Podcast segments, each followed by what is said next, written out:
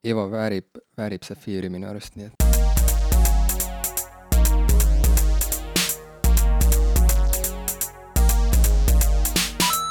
tere, minu nimi on Ivo Krustok. tere, mina olen Jim Asilevi. ja te kuulate saadet nimega popkulturistid, viimast korda Ivo ja Eeva elutoas viimane podcast'i osa üldse, eks ole, vähemalt. kuigi oleneb, kuidas võtta, oleneb, mismoodi äh, meie kuulajad meiega seda teekonda jätkavad, sest et tegelikult ma kuulan raadiosaateid ka samasugusest äh, podcast'i äpist, millest ma kuulan ka kõiki oma lemmik podcast'e, nii et jah, no see on sihuke definitsiooni asi, eks ole, et, äh, et me oleme nüüd raadiosaade, mitte veel täna, täna te kuulate meid veel podcast'ina, aga alates siis kümnendast septembrist oleme me Raadio kahe eetris, tuleb nii välja, vahepeal on olnud huvitavad arengud. aga kui sa nüüd seda ütlesid, mis tunne sul oli, kas sul oli nagu kindel või ebakindel tunne seda öelda? natuke ebakindel mm -hmm. veel, ma ei ole veel sellesse mõttesse sisse väga elanud ega, ega nagu jõudnud, tegelikult olgem ausad, ma pole jõudnud äh, seda läbigi seedida, hoolimata sellest, et tegelikult see teema on õhus olnud väga kaua aega mm. -hmm.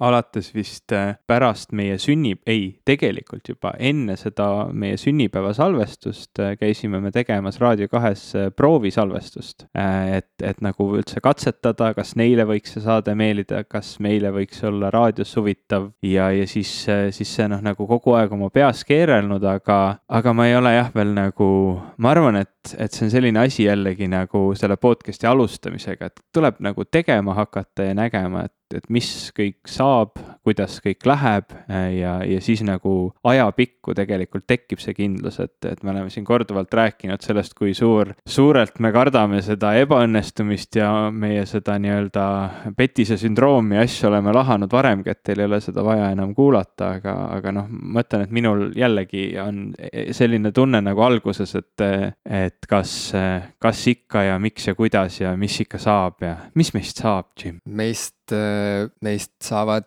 R2 toimetuse äh, ausad ja rõõmsad liikmed.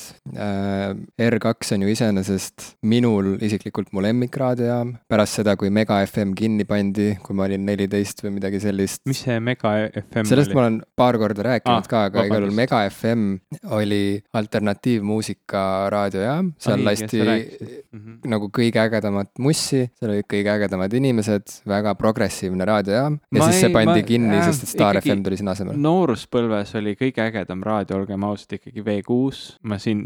rokimehena yeah., no ikka sulle oli V6. või, või hiljem, eks ole, Raadiomaania, ma ei hakka siin nagu mingeid järeleandmisi tegema tegelikult mm., aga no okei okay,, jätka. aga seoses sellega, mis sa ütlesid, et, et noh, proovima peab ja natuke on see tunne nagu hakkaks selle esimest saadet tegema ja kõik see, siis mul tuli meelde see äh, Yoda meem, mida on internetis nii palju nähtud, kus ta ütleb, et do or do not, there is no no try. kas, kas see oli sinu Yoda hääl? jah, see oli sihuke mm., okei okay,, ma ei tea, miks, aga Yoda, okei okay,, ma ei tea oli... kas see ei olnud üldse jooda moodi või? ma tundsin ennast ei, nagu jooda, kui ma seda tegin. Va vanurlik võib-olla mm -hmm. selles suhtes, aga noh, ei, selles okay. suhtes on sul õigus, eks see on jälle selline, selline nagu ette juba kuidagi sihuke muretsemine eh, nagu. ja, ja muretseda tasub, selles mõttes muretseda tasub, et eh, meil on ju nüüd midagi väga erilist on ju loodud nagu selle mm -hmm. aastakese jooksul ja, ja me ju küsisime ka oma kallitelt eh, patroonidelt, et mida te arvate arvate,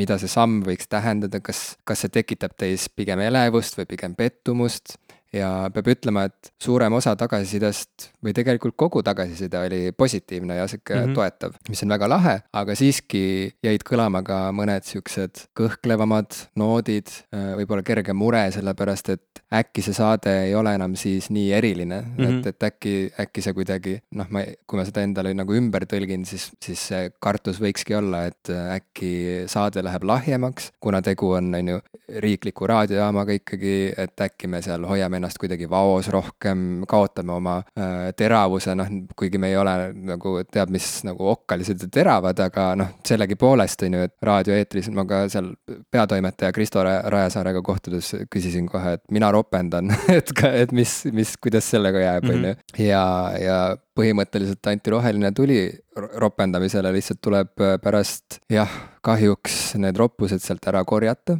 sa võid samas vanduda aga ma võin vanduda ja, ja, ja noh, nii, nii see on, et mingisuguseid kompromisse nagu tuleb teha, aga samas ma ei tea, kas nagu ropendamine on ka meie saate nagu sihuke selgroog, et mm -hmm. kui see ära võtta, siis kukub kokk, kõik kokku, kõik mhm. kukk. siis on läbi. kikub kokk, et siis nagu. siis on putšis. mul on isegi ja. raske, ma üritasin, ma hakkasin, nagu, mul ütlesid... enne oli juba raske, kui ma ütlesin selle välja, aga mõtlesin, et ma pean nagu siia ütlema. ja see on nagu, sa ütlesid seda natuke nagu Tigran oma selles Ferrari loos, vaata mm., kus ta mm. ütleb, et kuuled met-, metsa Gucci, Versace, käi Butši mm. -hmm. et siis ka nagu Butšis.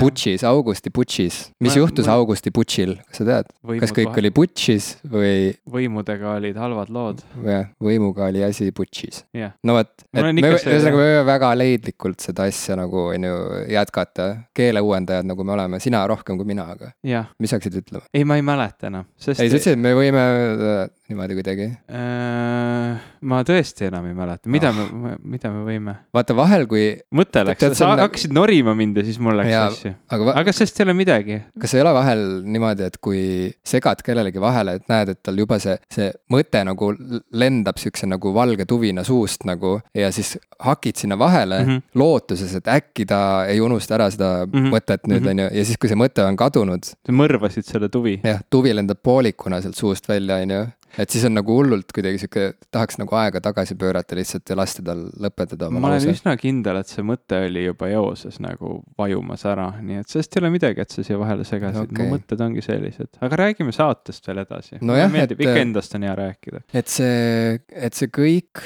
on no, kogu see podcast on olnud üks suur eksperiment nagu selles mõttes, et meil, meil ei ole ühtegi garantiid kunagi olnud, me, me ei ole kunagi ette saanud teada, kas meil jagub jututeemasid mm -hmm. igaks saateks, me, me kunagi pole, me, me, me ei saanud ette teada, kas meil üldse omavahel jutt jookseb, samamoodi polnud ju õrna aimugi ega ühtegi garantiid, et keegi päriselt meid kuulama hakkaks, aga seda asja niimoodi järjest tehes ikkagi tekkiski mingisugune sihuke väga kindel kuulajaskond, väga sihuke järjepidev tagasiside ja erinevad aruteluteemad, teemad äh, said äh, tänu erinevatele episoodidele alguse ja, ja, ja see omakorda jälle toitis kogu seda sihukest kogukondlikku läbikäimist. Äh, nii et praeguse seisuga, kui mõelda R2 peale, siis milline raadiojaam veel võiks meie saatele sobida, mulle tundub, et ei olegi ühtegi alternatiivi ja ja ei peagi olema selles mõttes või et ma ei igatse isegi mingisugust valiku, suuremat valikuvabadust, et ma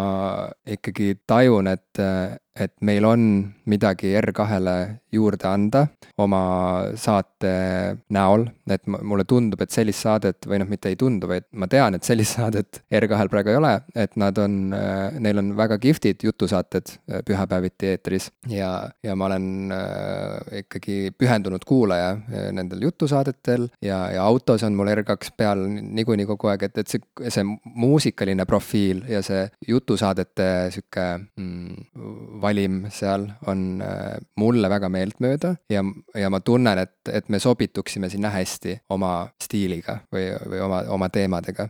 Aga noh, ja mis veel on eriti tore, on muidugi see, et me saame muusikat lasta, et mm -hmm. see proovisaade, millele sa viitasid, mida me käisime R2-s tegemas, äh, seda on meie patroonid nüüd mm, kuulnud, kõik võib-olla ei ole, need, kes ei ole, neil on endiselt võimalus seda saadet äh, endale alla tõmmata Patreonist teised ei saa.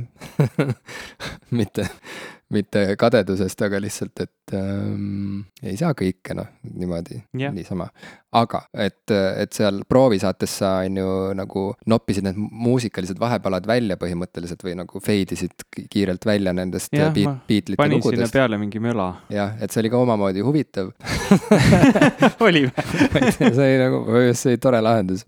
aga äh, ikkagi, et, et see muusika mängimise võimalus tekitab minus küll nagu väga suurt elevust, sest et muusika mängib nii olulist rolli meie peaaegu igas episoodis tegelikult, me alati noh, kui on palju teemasid, mida tuleb niimoodi nagu otsida vahel nagu, et oota, mis nurga alt või kuidas, siis muusika on üks teema, mille käsitlemise kuidagi vajalikkuses ja põnevuses me oleme alati kindlad mm. -hmm. ja, ja kui saab sinna juurde veel äh, reaalseid äh, palasid lasta, siis see tervik, noh siis sellest saabki nagu mingi tervik minu jaoks yeah.. et äh, sest muidu siiamaani me olime piiratud sellega, et me pidime, noh, me võisime nagu kirjeldada mingisuguseid albumeid ja, ja mingisuguseid laule, aga nüüd me ei pea enam neid nagu ümber jutustama, vaid saamegi, saamegi muusikal endal enda eest kõnelda. jah, ja noh, ütleme nüüd, kui aasta on popkulturistide algusest äh, möödas, on, on noh, minu jaoks ääretult kindel see, et saade peab kasvama, saade peab arenema kuhugi, sellepärast et äh, kõige hullem asi, mis saab üleüldse igasuguste projektidega, ükskõik mida te ette võtate, et juhtuda, on see, et ta lihtsalt jääb paigale, et ta, ta nagu ei, ei kao ära,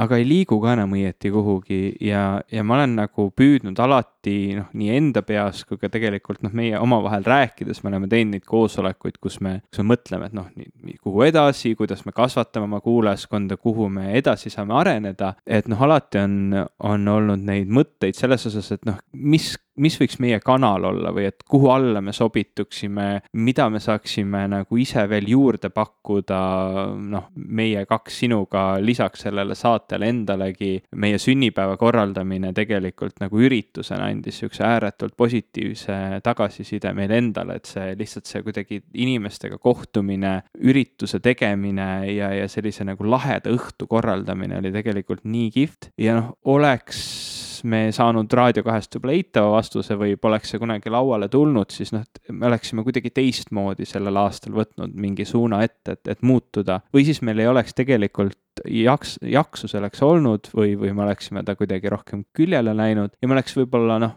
võib-olla veel aasta vedanud välja, ilma et midagi muutuks ja siis leidnud, et noh, asi ongi kuidagi soiku jäänud. mis oleks ääretult kahju, sest võib-olla kõige olulisem osa kogu selle asja juures on olnud see tegelikult need inimesed, kes on selle saate ümber tulnud. et noh, alguses kuidagi niimoodi naljatades on ju alati, see on, hakkad bändi tegema, hakkad kirjutama, mida iganes, sa mõtled, ah, ma teen seda endale, ma, ma ei taha, see ei ole üldse, üldse oluline, et keegi kuulab või teeb, et lihtsalt proovime teeme enda jaoks, aga kui sa saad need inimesed enda ümber, siis see muutub järjest rohkem ka nagu nende jaoks, see on nagu selle kogukonna oma. Ja, ja tegelikult kõiges, kõige hirmuäratavam osa selles ongi see, selles, selles muutuses, selles kasvus, igasuguses arengus on see, et noh, et, et, et sul on see kogukond ja kogukond on rahul, kogukonnale meeldib ja nüüd toimub mingi muutus ja noh, ääretult vajalik ja ääretult tore on, kui see kogukond nagu saab kaasa liikuda ja, ja, ja tunneb ka, et ikkagi nende nagu hääl ja arvamus on oluline, et seetõttu me tegelikult noh, kuna meil on Patreon, kes on tegelikult inimesed, kes on justkui meie nii-öelda board of directors või meie nagu sellised, nemad on oma raha alla pannud sellele saatele, nemad, nendel on ka nagu õigus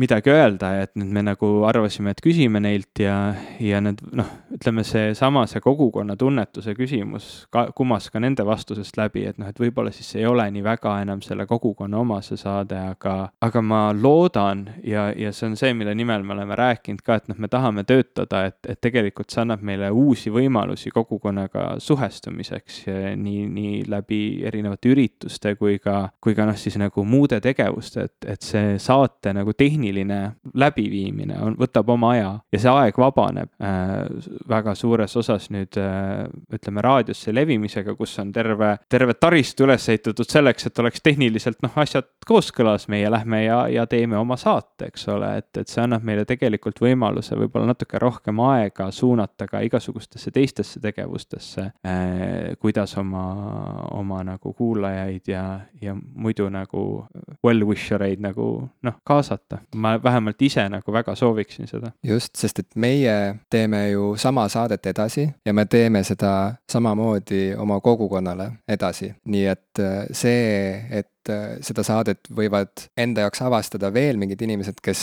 kellel võib-olla puudub podcast'ide kuulamise harjumus või kes lihtsalt on kuidagi väljaspool meie Facebooki nagu siukseid äärealasid isegi, et kes nagu ei ole lihtsalt sattunud peale ne-, neil on nüüd võimalus ka äh, kampa lüüa ja see on ju ääretult positiivne. ja need, keda ei huvita, neid ju noh, neid me ei ju ei, ei, ei, ei hakkagi huvitama. Mm -hmm. ja, ja nii see on alati olnud ja, ja, ja nii see hakkab ka olema, et, et siin on võimalus selleks, et äh, meie kogukond muutub veel kirevamaks, veel ägedamaks. Ja kui seda niipidi vaadata, siis ma üldse ei näe, et, et see erilisuse tunne kuidagi kahjustada võiks saada, sest et noh, jällegi see diskussioon ju siis elavneb, me ise saame sellest rohkem indu, ainus asi, mida ma nagu selle kõige juures pelgan tegelikult ongi selle saate ilmumissagedus, mis mm -hmm. tegelikult praegu siiamaani oli meil niimoodi noh, lihtsalt kujunes nii välja, et hea küll, teeme kaks korda kuus seda saadet mm, -hmm. eks ole. kuidagi ajaliselt niimoodi sobis, et jõudis vahepeal selle ühe saate nagu üles saada, väike hingamispaus ja, ja siis nüüd,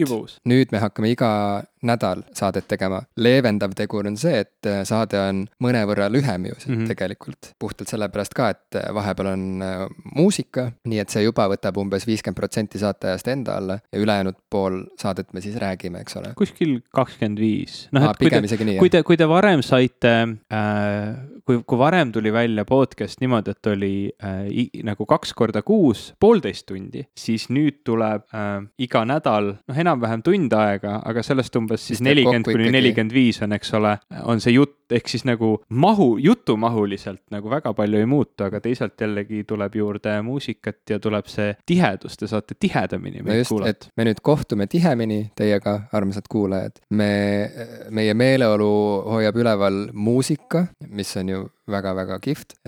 me oleme meeldivas seltskonnas, sest et need väikesed kokkupuutevõimalused, mis meil seni on olnud R2 perekonnaga, on olnud väga meeldivad yeah.. me lähme homme R2 hooaja avapeole vist, on ju, tuled või um,? Oh, oli... ma ütlesin sulle, et see on homme, esimesel septembril. ma püüan, mis, mis äh...? ma ei tea, õhtul on see okay. kella kahest. no jaa, ma, ma püüan. jah, ühesõnaga, et me läheme peole, me nagu veits. tutvume. tutvume seal inimestega.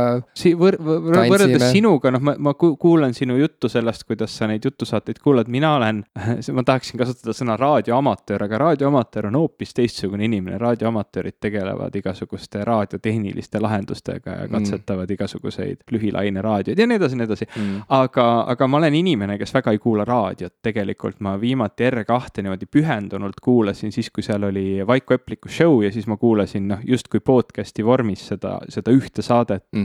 -hmm. ma ei ole neid jutusaateid tegelikult väga seal üldse kuulanud eh, ja nüüd hiljuti, kuna noh, Raadio kahe programmis on igasuguseid kihvte asju tekkinud vahepeal juurde, et siis ma olen nüüd kuulanud vahepeal Meta Americana saadet, mis mulle väga meeldib, kuna see, me oleme siin rääkinud nendest nii-öelda sellest äh, Ameerika muusika avastamisest, eks ole, sina oma Bruce Springsteeni raamatuga ja minule noh, kantrimuusika on kuidagi huvi pakkunud, et siis see saade võimaldab mul avastada seda natukene alternatiivsema Ameerika muusikamaastikku nagu võlusid. Äh, aga jah, muidu mul ongi nüüd huvitav kohe hakata vaatama, et mis värk selle raadioga on mm. -hmm. kindlasti me saame ka sõimata, seda ei ole siiamaani juhtunud, aga kui me oleme ikkagi Rahvusringhäälingu eetris, siis tõepoolest see saade ju jõuab ka selliste inimeste kõrvu, kes ilmselt ei suuda oma kõrvu uskuda, kui me oma suud lahti teeme, et, et mis kurat mis, mis möla see nüüd on, et kindlasti hakatakse ka laksima foorumites ja tuleb mingeid äh,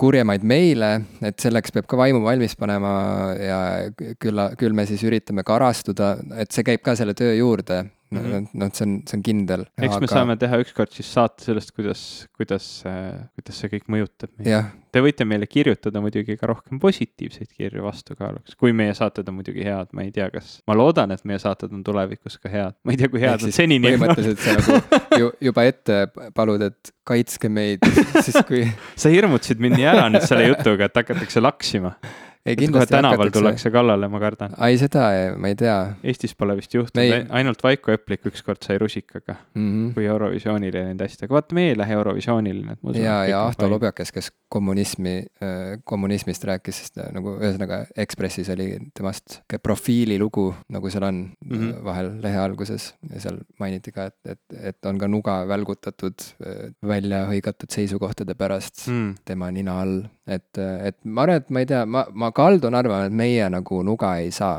me ei ole vist nii nagu et, tugeva arvamusega. me vist nagu ei kriibi nagu niimoodi, vaata, et, et, et, et isegi kui me. kui me tea. paneksime saate nimeks popkommunistid, siis läheks vist nagu keeruliseks, eks ole. see oleks väga huvitav, see oleks väga huvitav. ma arvan, et seda peaks, kuule, kas meil on veel aega kuidagi nagu teha mingi ei muudatus? tea, kas ma isegi tahaks, aga. Proovida lihtsalt, et kuidas on mm. olla popkommunist. See on saade Nõukogude Nõukogude Liidu populaarkultuurist vahemikus tuhat üheksasada viiskümmend kuni tuhat üheksasada kaheksakümmend üheksa. aga. Anyway me paneme Patreoni kinni, et see on asi, mis on kindel, sest et. sihuke hea teemavahetus. oleks jah oleks nagu kummaline ja kohatu äh, võtta äh,, on ju, ühest küljest ühe, ühe, ühte taskusse pista nagu riigi raha ja teise taskusse veel inimeste oma ausalt teenitud raha, et, et see kõik on ju, et siis oleks nagu topelt. meie, meie kallid kuulajad, teid topelt ei maksusta. just, et, et te kõik olete niikuinii, kõik, teie kõik, kes te maks, makse maksate, te juba olete meie patroonid siis nagu siukse riikliku maksusüsteemi kaudu. Äh, aga siiski äh, me ju suhtleme kõigiga edasi oma sotsiaalmeediakanalite kaudu, see ei muutu. Twitteris, Facebookis, Instagramis, meili teel, tänaval, igal pool me me suhtleme edasi, ehk siis ühesõnaga, mis muutub, ongi kokkuvõttes saate avaldamisplatvorm, eks ole yeah., et, et, et me oleme raadios, aga äh, kõik need saated, nagu ma juba ütlesin äh,, jõuavad lõpuks ikkagi podcast'i kujul mm, R2 feed'i. üks nagu tüütu asi, mis nüüd on vaja siis kõigil kuulajatel, kes tahavad meiega jätkata äh,, loodetavasti te kõik tahate jätkata, et, et see üks tüütu liigutus, mis on vaja ära teha, on siis see, et tuleb meie praegune feed vahetada R2 äh, popkulturistide feed'i ja. Äh, vastu, aga eks me seda siis hõikame välja ka ja, ja, ja kordame seda aeg-ajalt ja, ja juhendame, kellel on vaja abi. et, et seal midagi väga keerulist ja. ei ole, see on põhimõtteliselt lihtsalt sama nagu, nagu subscribe iksid. Äh, lisad omale uue podcast'i. uue podcast'i kuulajaks just, et nii see on, et, et seal nagu need episoodid jätkuvad ja. vana feed jääb alles, seal on arhiiv, me ilmselt lisame sinna ühe sihukese väikse, väikse osa veel, kus me ütleme, et nüüd te siit enam uusi osasid ei saa, et inimene, kes sinna subscribe ib, teab, et ta läheks järgmise juurde. ja kui me kunagi tuleme tagasi elutubade äh, nii-öelda maailma, et siis ilmselt noh, saame jälle jätkata, kes teab, mis, mis tulevik toob. aga, aga praegu jah, tehniliselt ma veel natuke ei tea, mis SoundCloudist saab, sest noh, SoundCloud on üldse sihuke väga suur küsimus õhus, et kas SoundCloud firmana jätkub SoundCloud on pankroti äärel äh, juba mitu korda olnud ja, ja, ja võib-olla sel aastal siis nüüd lõplikult, aga, aga me veel näeme, et, et igasuguseid viise, kuidas meie saadet kuulata, me kindlasti hõikame välja, täpsustame, paneme kirja, püüame selle teile võimalikult mugavaks ja lihtsaks teha, aga need, kes subscribe ivad, need siis peavad väikese ümberlülituse tegema. just, ja kui läheb äh, kõik täiesti perse siis me ju saame alati jätkata siin koduses miljöös, võib-olla siis mingil veidi muudetud kujul, me oleme veidi nagu kõrvetada saanud häältega siis ilmselt, on ju. nagu sinu jooda hääl. jah, aga, aga kokkuvõttes neid plusse on praegu rohkem kui miinuseid selle, selle hüppe tegemise muidu me seda ju ei teeks. hüppe tegemisel ja muidu me seda ei teeks, ärevus on hinges, me ei tea, kuidas see kõik hakkab olema, mis tunne seal stuudios on, kas me saame ennast seal lõdvaks lasta, kas me harjume ära ja, ja, ja kas me äkki ei räägi ennast lihtsalt tühjaks, kui me peame tõesti iga nädal nagu tööl käima, on ju. ma olen juba et... hakanud teemasid üles kirjutama, need on väga, ma loodan, et seal seas, nende seas on ka väga huvitavaid teemasid mm. -hmm. me oleme mõtelnud külaliste peale, sest nüüd lõpuks on meil, eks ole, rohkem kui kaks mikrofoni mm, -hmm. mis on ka hästi suur pluss, kui sa tahad rohkem kui kahte inimest kaasata. jaa, nii et ähm, nüüd on aeg tsiteerida Yodat uuesti. tee mulle seda Yoda häält, kuidas see oli umbes? ma, ma ei, ma jään nüüd hätta, aga see peaks kuidagi siin nagu kõrgem, sihuke ah.. I m Yoda ei, see oli nüüd mingi butthead või ah.? mul, mul läks valesti, sorry, jätka ah. sina. Do or do not, there is no try. parem, parem lõpuks läks kuidagi joodikuks kätte, aga muidu oli päris hea, parem. Jim, sa tegid minuga ühte asja siin mõned, mõned saated tagasi ja ma tunnen, et mul on aeg sulle kätte maksta. no sul oli vahepeal sünnipäev ja nagu sina andsid mulle nii-öelda eetris, ma ei, või noh, salvestuse ajal üle kingituse, siis ma tunnen, et ma pean sama tegema. mitte isegi, et ma, ma pean, ma tahan sama teha, ma tahan, et sa krõbistaksid mikrofoni äh, pakendit, ma tahan, et sa vaataksid seda asja ja reageeriksid kohe, sest see oli nii ääretult äh, lahe ja ebameeldiv mm. mulle, nii et noh, aeg on nagu tagasi teha. tead, mis ma, äh, ääre, lihtsalt väike kommentaar siia kiirelt, et, et, et kui sa oleksid psühhopaat, siis ma arvan, et et see, mis sa praegu annaksid, see oleks umbes nagu Fincheri filmi Seveni lõpp, vaata, kus ka Brad ma ei, ma ei vaata koledaid filme, ma ei tea. no ma just ütlen, et seal siis ühele detektiivile, keda mängib Brad Pitt, tuleb ka üks pakk nagu lõpus sihuke mm -hmm. Kevin Spacey'lt siis, kes on siis see psühhopaat, keda ta nagu okay. jahib. et siis, et ta tahtis ka väga näha, et mis reaktsioon on ma loodan, et sa ei ole nagu Kevin Spacey filmis ei, ei, ei, ma, ma ainult head, ma tahan su head, head reaktsiooni ja, ja meil ei ole saate lõpp, meil on veel terve saade ees. psühhopaadid ka tahavad ainult head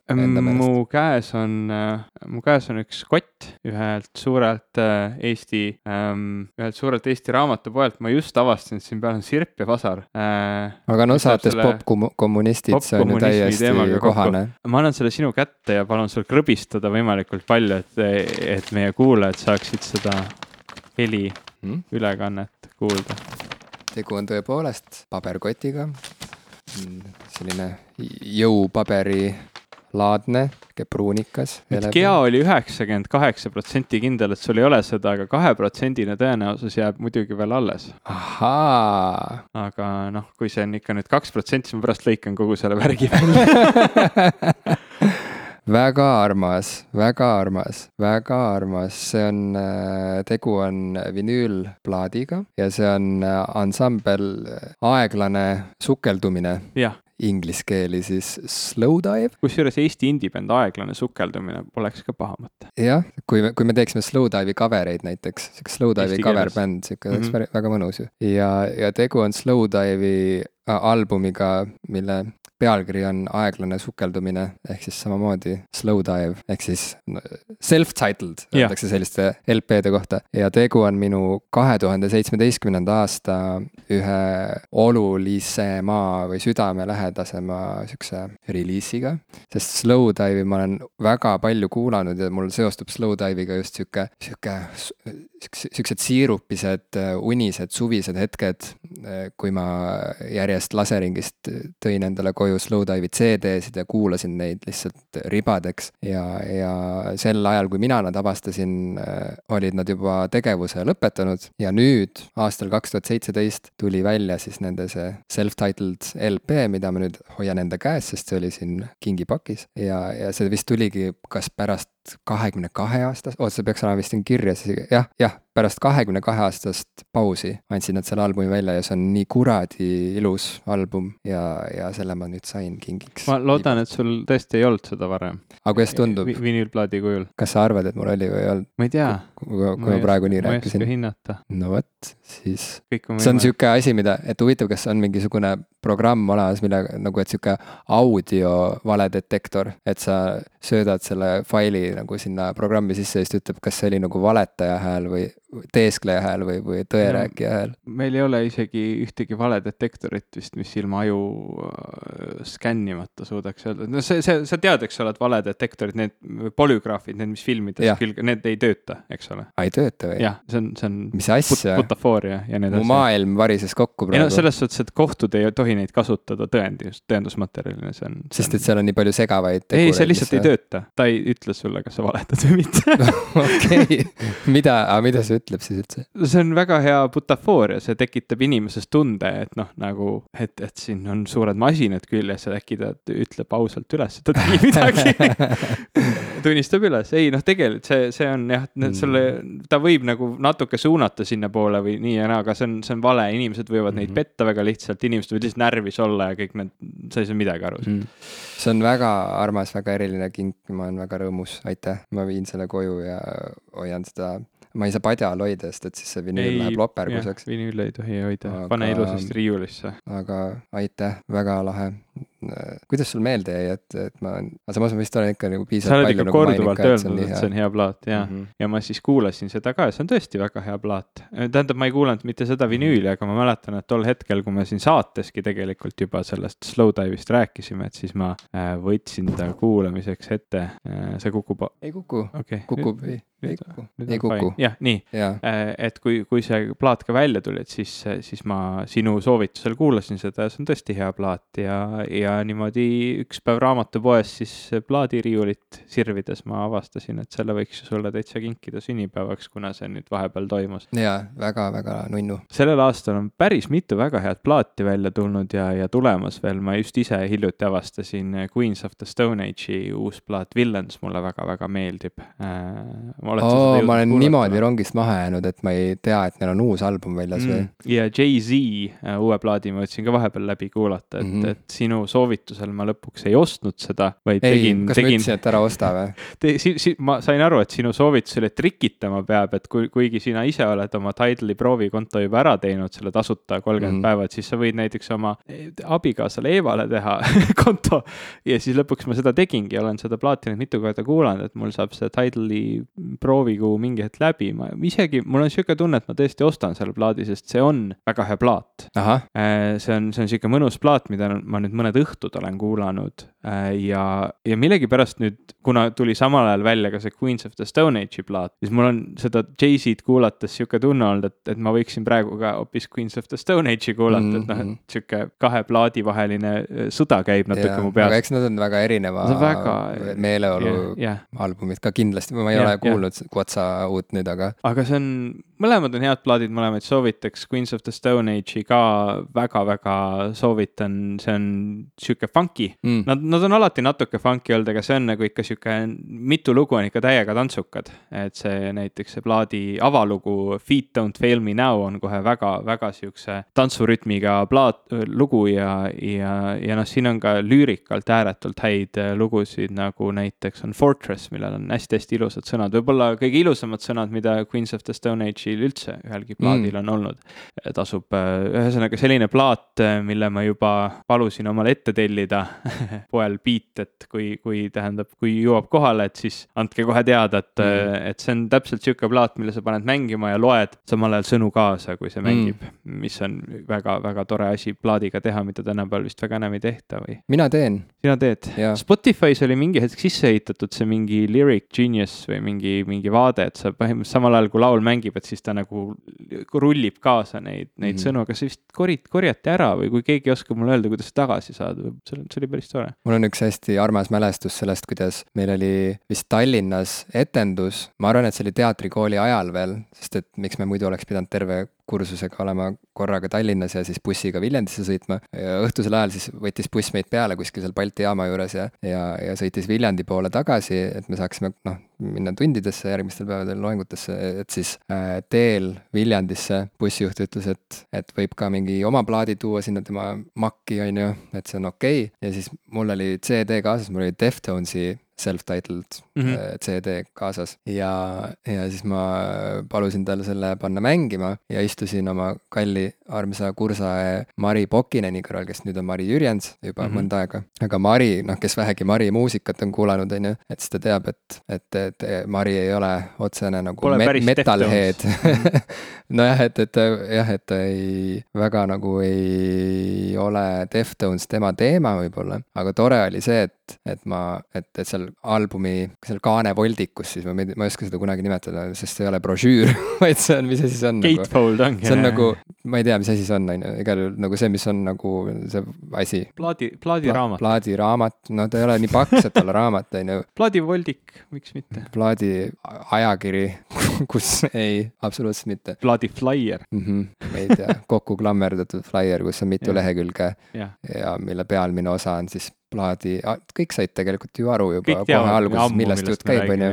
Mhm. ei tohi alahinnata oma kuulajaid, see solvab nende intelligentsust. eriti meie kuulajaid, kes on ääretult. et, et seal olid siis kogu selle, noh, kõikide lugude sõnad olid seal kirjas, on ju mm. -hmm. ja kui nüüd Gino Moreno nagu suur osa ajast nagu karjub, vaata lugudes mm -hmm. ja mhm ja üleüldse see muusika on üsna sihuke mürarohke, et sealt ei pruugi isegi, et isegi kui Gino laulab natukene nagu selgemalt, artikuleerib rohkem võib-olla kuidagi, et siis ikkagi see mürafoon vahel nagu sööb ära mingisugused repliigid ja sõnad. nii et oli nagu väga abiks, et olid need sõnad niimoodi silme ees ja siis ma palusin Marit, et ta laulaks minuga koos nagu terve selle albumi läbi, aga mm -hmm. nagu Bussis. selle, jah, aga noh, siin nagu oluline tegur ongi see, et Mari polnud elu sees kuulnud seda albumit ja, ja bussijuht mängis seda niimoodi nagu noh, vaevukuuldaval nagu valjudusel ja see bussimürin ja kõikide mm -hmm. teiste inimeste nagu vestlused, mis oli nagu taga. et see oligi nagu sihuke et Mari nagu väga püüdlikult nagu siis niimoodi need järgmised tund aega nagu niimoodi püüdis aimata nagu, et kas ta laulab õigesti või kas need meloodiad praegu, et või mis asi see üldse nagu on üldse praegu. aga kuna ma ise olin ka sihuke järeleandmatu, tagantjärele mõeldes võib-olla oli see isegi natuke nagu pealetükkiv minust, et niimoodi sundida on ju kedagi. inimest tund aega bussisõidu ajal laulma kaasa. laulma mhm. kaasa ühte met metal-albumit, mida ta pole elu sees kuulnud. ei, see on jumala normaalne. aitäh, kui sa arvad, et see on normaalne, ma arvan ka, et see on normaalne, et, et no nii oli jah, et selles mõttes, et äh, olen erinevates olukordades sõnu nagu paralleelselt jälginud, kuulamisega paralleelselt ja, ja vahel ka kaasa laulnud, oli see, mis ma tahtsin öelda. ma tegelikult selle loo peale nagu ääretult, ääretult ootaks nüüd äh, Mari Jürjensi Deftonsi coverplaati, akustilist coverplaati. ja, ja see, see võiks olla sihuke selles mõttes nagu, et see kontseptsioon võiks seisneda ka selles, et ta peab nüüd nagu mälu järgi taastama ja. seda, mida ta läbi selle bussi mootori müra ja, ja, ja selle ja. ümbritseva jutuvada ja, ja, ja minu valesti lauldud meloodiat, sest ma ka võib-olla ei kuulnud kõike õigesti yeah. seal on ju ja ei laulnud õigesti ka. et kuidas tema, kuidas tema mälust nüüd kerkiks uuesti see Deftonsi self-titled. see võib ka sihuke duett olla või duoplaat, et te nagu koos taas, taas lavastate seda, seda bussisõitu ja plaadil. ma juba nüüd, ma nüüd vaimusilmas juba näen sihukest nagu kontsertetendust mm, -hmm. mis võib-olla on sihuke ühekordne aktsioon ja see võiks mm -hmm. toimuda Kumus näiteks, noh, et ta on ikkagi. popkulturistid esitlevad. Jaa mm, -hmm. ja, ja ja ongi sihuke live ja reaalajas taasloome selle albumi ja siis tulebki nagu sihuke cover album, mis on nagu väga eriskummaline. sellel oleks mingit head rõõmus. nime veel vaja, mis selle nimi võiks olla, Deftones bussis? Tone Deaf ilmselt siis. jah, ja aga oota veel võtaks eesti keelde kuidagi, mis on Tone Deaf, see on nagu siis ähm.... tegelikult Tone Deaf on või Deaf on ju.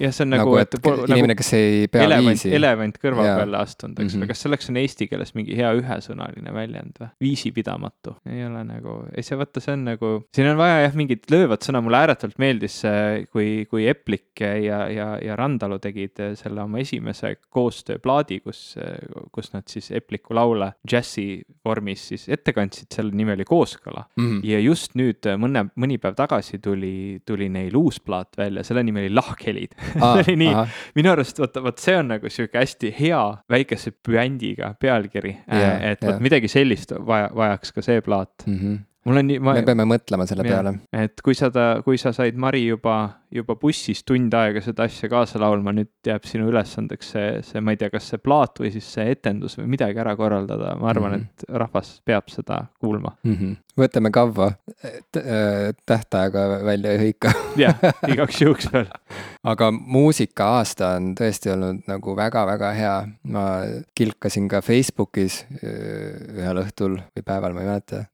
keegi nagu väga kaasa ei viitsinud kilgata, ma ei teagi nagu. mis sa kirjutasid, ma ei mäleta. ma kirjutasin, et nii hea muusikaaasta on olnud ja et juba on nagu, et alles on august ja nii palju häid albumeid on tulnud ja, ja ongi, kui ma praegu ma vist ei näinudki seda postitust. no ma ütlen nagu, ma ei tea, mis värk sellega on. algoritmid nagu, piiravad sind. ma ei tea, aga Tyler, the creator, on ju, mhm. Flower Boy, mida ma olen sulle maininud, mis on nagu superalbum. ma olen seda vist natuke kuulanud, aga ei ole jõudnud nagu süveneda mm -hmm. veel. ma olen kuulnud, et see pidi nagu ääretult hea olema mm, -hmm. aga noh, ma, ma nagu mingi, mingi hetk hakkasin seda nagu ette võtma jäi kuidagi poolikuks. no selle puhul on äh, see värk, et, et Tyler nagu artistina on minu jaoks sihuke nagu, nagu kõige ehedam sihuke nagu nii-öelda nagu mingi Y või ma ei tea, siis võib-olla juba mingi Z-põlvkonna äh, sihuke räppartist, on ju. et arvestades, et milliseid siukseid nagu, millised põlvkonnad on enne olnud ja kuidas hip-hop on nagu arenenud niimoodi järjest nagu, et kuidas see nagu stiil on muutunud, kuidas nagu, kuidas see asja nagu iva on muutunud, on ju, et millest räpitakse, miks, kuidas räppar peab välja nägema, mida ta veel teeb lisaks sellele muusikale ja nii edasi, et siis Tyler on puhas sihuke nagu, sihuke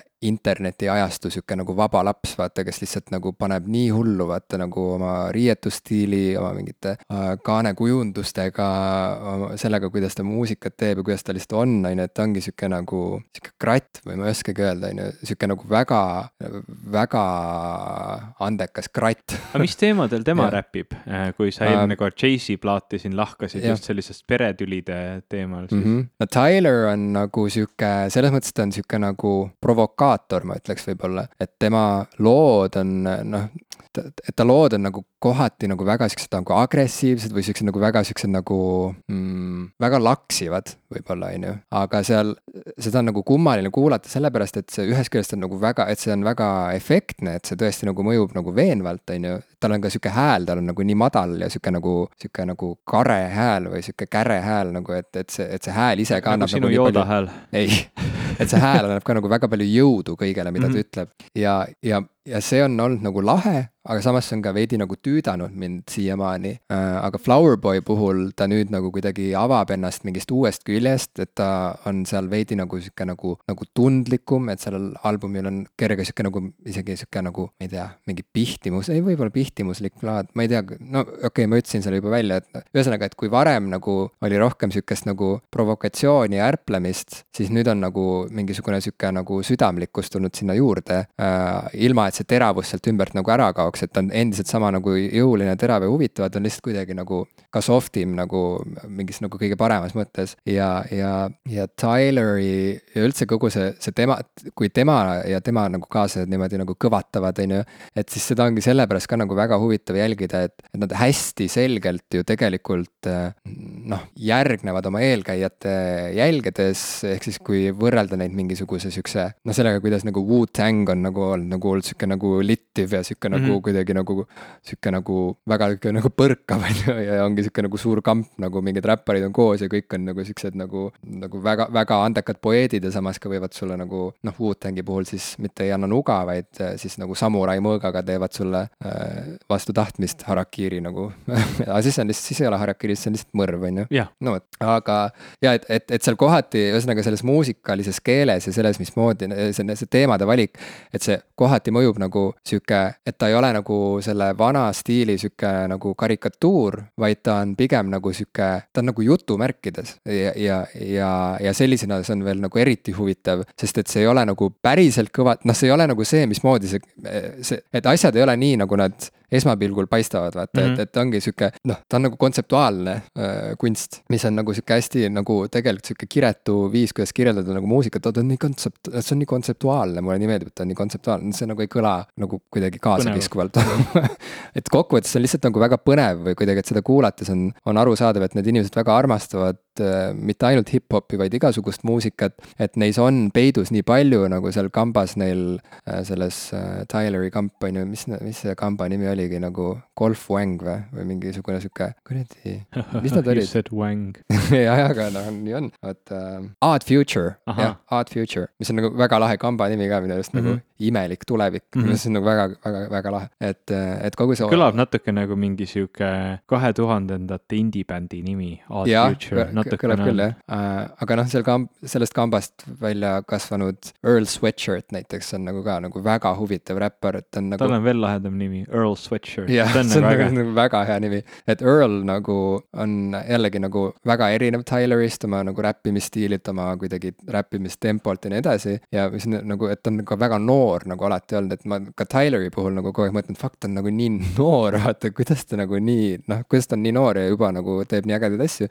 et siis Early puhul veel eriti nagu ma ei tea, et minu arust nagu, kui ta kuulsaks sai, ta oli veel nagu alaealine või nii ja nagu ja räägib, noh, räpib väga nagu hingestatult kõigest, mis nagu pähe tuleb ja see kõik on kuidagi väga nagu, et nad on, ma ei oska öelda, et, et tundub justkui, eh, et see kuidagi see, see elutarkus ja kuidagi ja, ja, ja tunnetus, tunnetuse sügavus, mis varem tekkis eh, selle kaliibri räpparitel võib-olla nagu kõrgemas eas, et, et nüüd on toimunud mingisugune sihuke nagu, sihuke hüpe edasi, et, et nüüd see uus põlvkond juba nagu alustas sellelt levelilt, saad aru mm? -hmm. et ja muidugi seal on sihukest nagu, ongi sihukest nagu nooruslikku sihukest kukeboksi nagu ka sees ja sihukest mm -hmm. ärplemist ärplemise pärast, et lihtsalt, et nagu edevuse pärast, on ju. aga siiski nagu see on, noh, ta on nii mahlakas ja nii nagu seal on nii palju nagu toimumas, et see on lihtsalt nagu, et see jälle, et seal on nagu väga palju avastamisrõõmu lihtsalt pakub see kõik. nii et Flower Boy on nagu sihuke selle, selle põllu nagu kõige uuem ja kõige nagu säravam õis praegu, et, et ta on väga erinev äh, hip-hop äh, võrreldes Jay-Z'iga näiteks. aga Nopita see ongi nagu nii kihvt,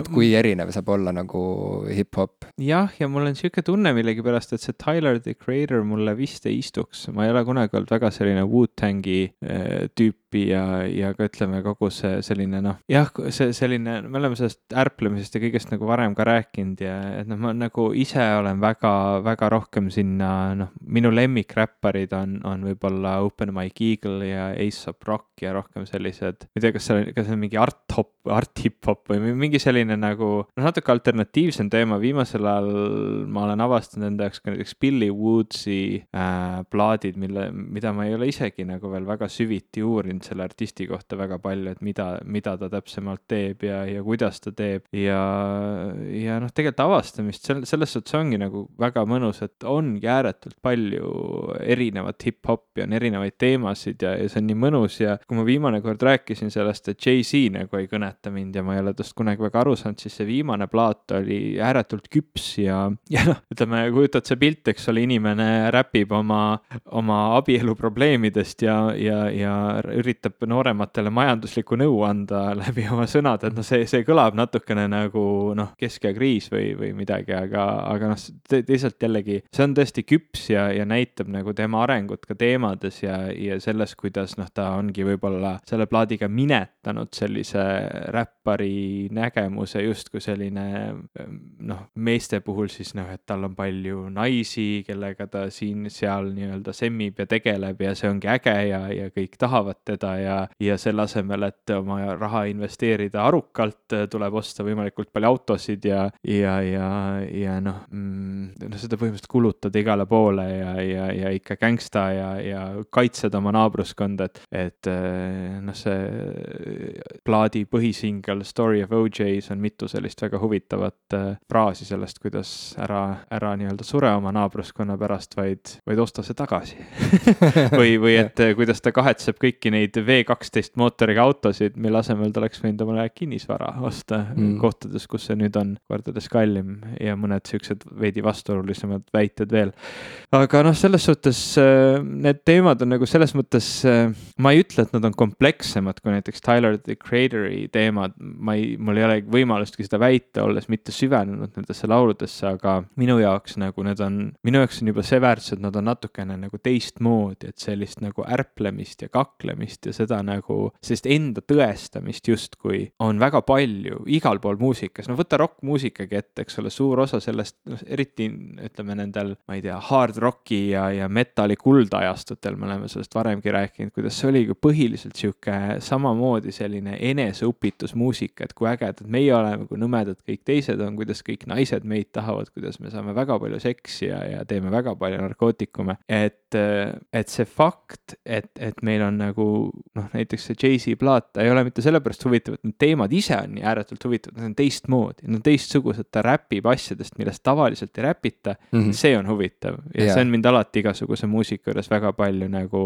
huvitanud ja tähelepanu tõmmata, tõmmanud ja noh, Queens of the Stone Age'il samamoodi, noh, see ei ole nüüd midagi nii erilist, eks ole, aga, aga seesama lugu Fortress, eks ole, et kuulata, kuidas Josh Homme, kes on võib-olla rohkem selliste teravamate lauludega võib-olla tuntust kogunud, laulab väga pehmelt, helt väga küpselt Äh, noh, ütleme sellest, kuidas, kuidas nagu ta tahab kaitsta või ta lubab kaitsta teisi inimesi, kui nende vaimne tervis on, on nii-öelda lagunemas või, või, või tema, nendel on nagu raske või nende kaitse on kadumas, kuidas, kuidas ta ütleb siis, et, et noh, et ma saan sind kaitsta, justkui laulaks, ma ei tea, oma, oma elukaaslase, oma lastele, kellele iganes, et noh, see on, see on väga huvitav kuulata ja, ja see nagu kohe ongi selline, et see ei ole lihtsalt armastuslaul, vaid tal on nagu mingi teine asi juures või mm -hmm. nagu Jay-Z-l, et need ei ole lihtsalt armastuslaulud, vaid need on, need on laulud, mis räägivad armastusest, millel on väga palju raskust vahepeal olnud. ja, ja ma ei tea, vaat see Jay-Z laul, see albumi nimilugu neli nelikümmend neli mhm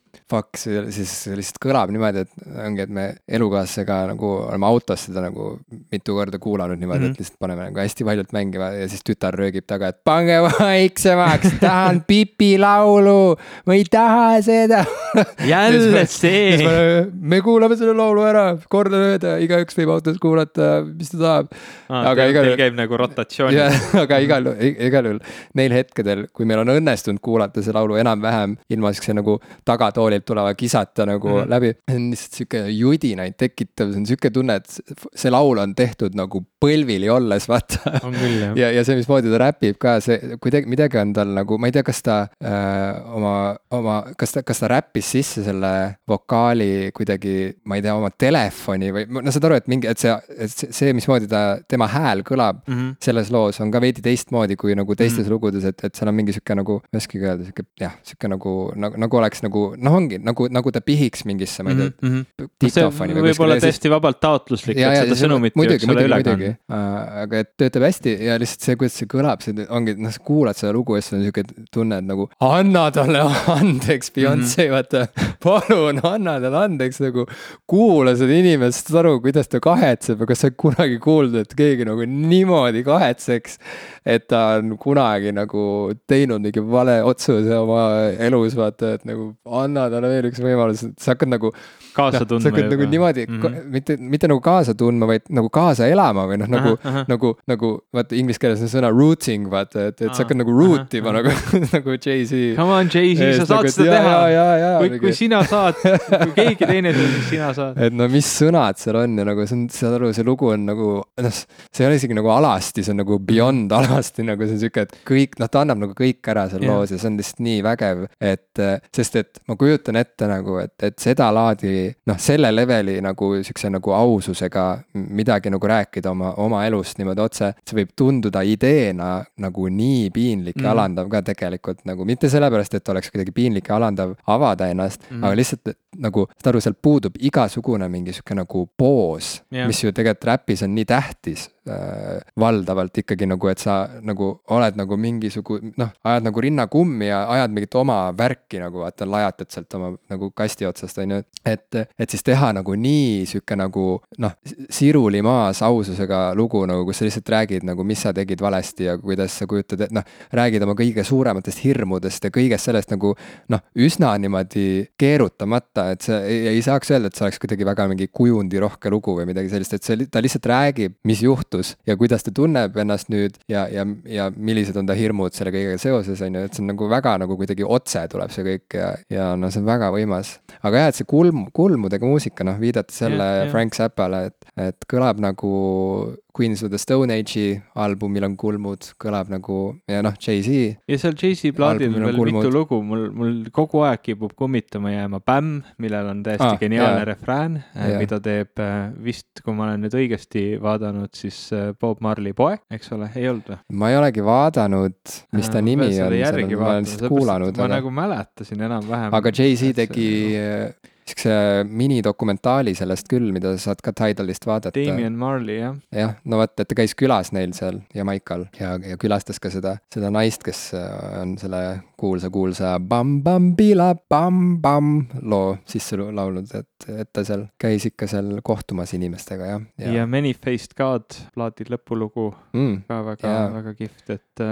James Blake, no kuulge, kui mingisuguse albumi peal on James Blake andnud oma nõusoleku nagu kaasa lüüa, siis see peab olema lihtsalt nagu noh, nagu next level hea, et see ongi nagu. kusjuures selle plaadi nimilooga mul tuli veel meelde noh, see ütleme muusikuna endast kõige andmine ühe loo jaoks, mul mulle meenub väga si-, noh, nagu tihe seos äh, John Lennonil on, on üks lugu Mother mm., äh, kus ta, kus ta räägib sellest, kuidas tal ei ole kunagi tegelikult, ta ei ole tundnud, et tal on ema. Äh, kuidas, kuidas see on talle tekitanud nii palju frustratsiooni, sellest on isegi üks, tule kahjuks praegu nimi meelde, üks mängufilm on tehtud John Lennoni lapsepõlvest ja sellest tema suhtest oma emaga ja, ja noh, seal on natuke ka siis seda, kuidas see Beatlesid üldse alguse ja kõik see, aga see loo Mother lindistamine, lihtsalt kuidas ta jättis selle iga päev, jättis ta stuudiosessiooni lõppu, et noh, käis plaadi lindistamine iga päev, jättis päeva lõppu, lihtsalt röökis oma hääle ära ja seda on kuulda seal plaadil, seda valu ja seda nagu noh, teda ei saa nagu taasluua, ta lihtsalt iga kord läks ja röökis oma hääle ära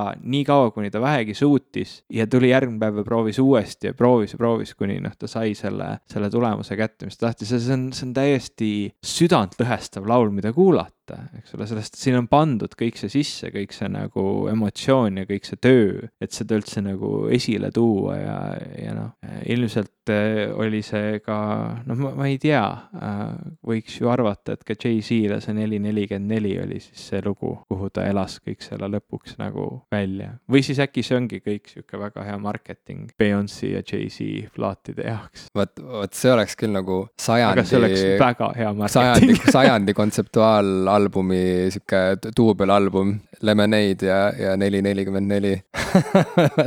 sihuke asi lihtsalt nagu fabritseerida, vot see on nagu, vot see on küüniline aga ma, ma usun inimesi, ma usaldan inimesi ja. ja ma pigem arvan, et inimesed on siirad. ei muidugi, või noh, ma pigem ei arva, aga, aga aga ma usun, et, et Beyonce ja, ja Jay-Z noh, tegid oma albumid ikkagi päris, päris asjadest. vähemalt nemad on siirad. aga ma pean sulle ütlema, et Tyler, ma arvan, et ma pean sulle saatma mingeid, mingeid linke. lihtsalt link. jah, et sest et praegu jah, see on, see on tõsi, et, et ta, ta, see, see kindlasti ei ole nii mahe kuulamine kui Jay-Z neli nelikümmend neli. Tyleri sihuke ongi see, see kõlapilt tal või sihuke see muusikastiil on juba, ta, ta, need sample'id ja kõik see, mis, noh, ühesõnaga see helipilt on sihuke karedam, käredam, robustsem. aga jällegi ma ütlen, et Flower Boy selles suhtes on tema kõige kuulatavam album minu arust äh, senistest ja, ja ma arvan, et sa võiksid ikkagi proovida. aga jah, veel on nii palju head mussi olnud ja Father John Misty Pure Comedy'st ma olen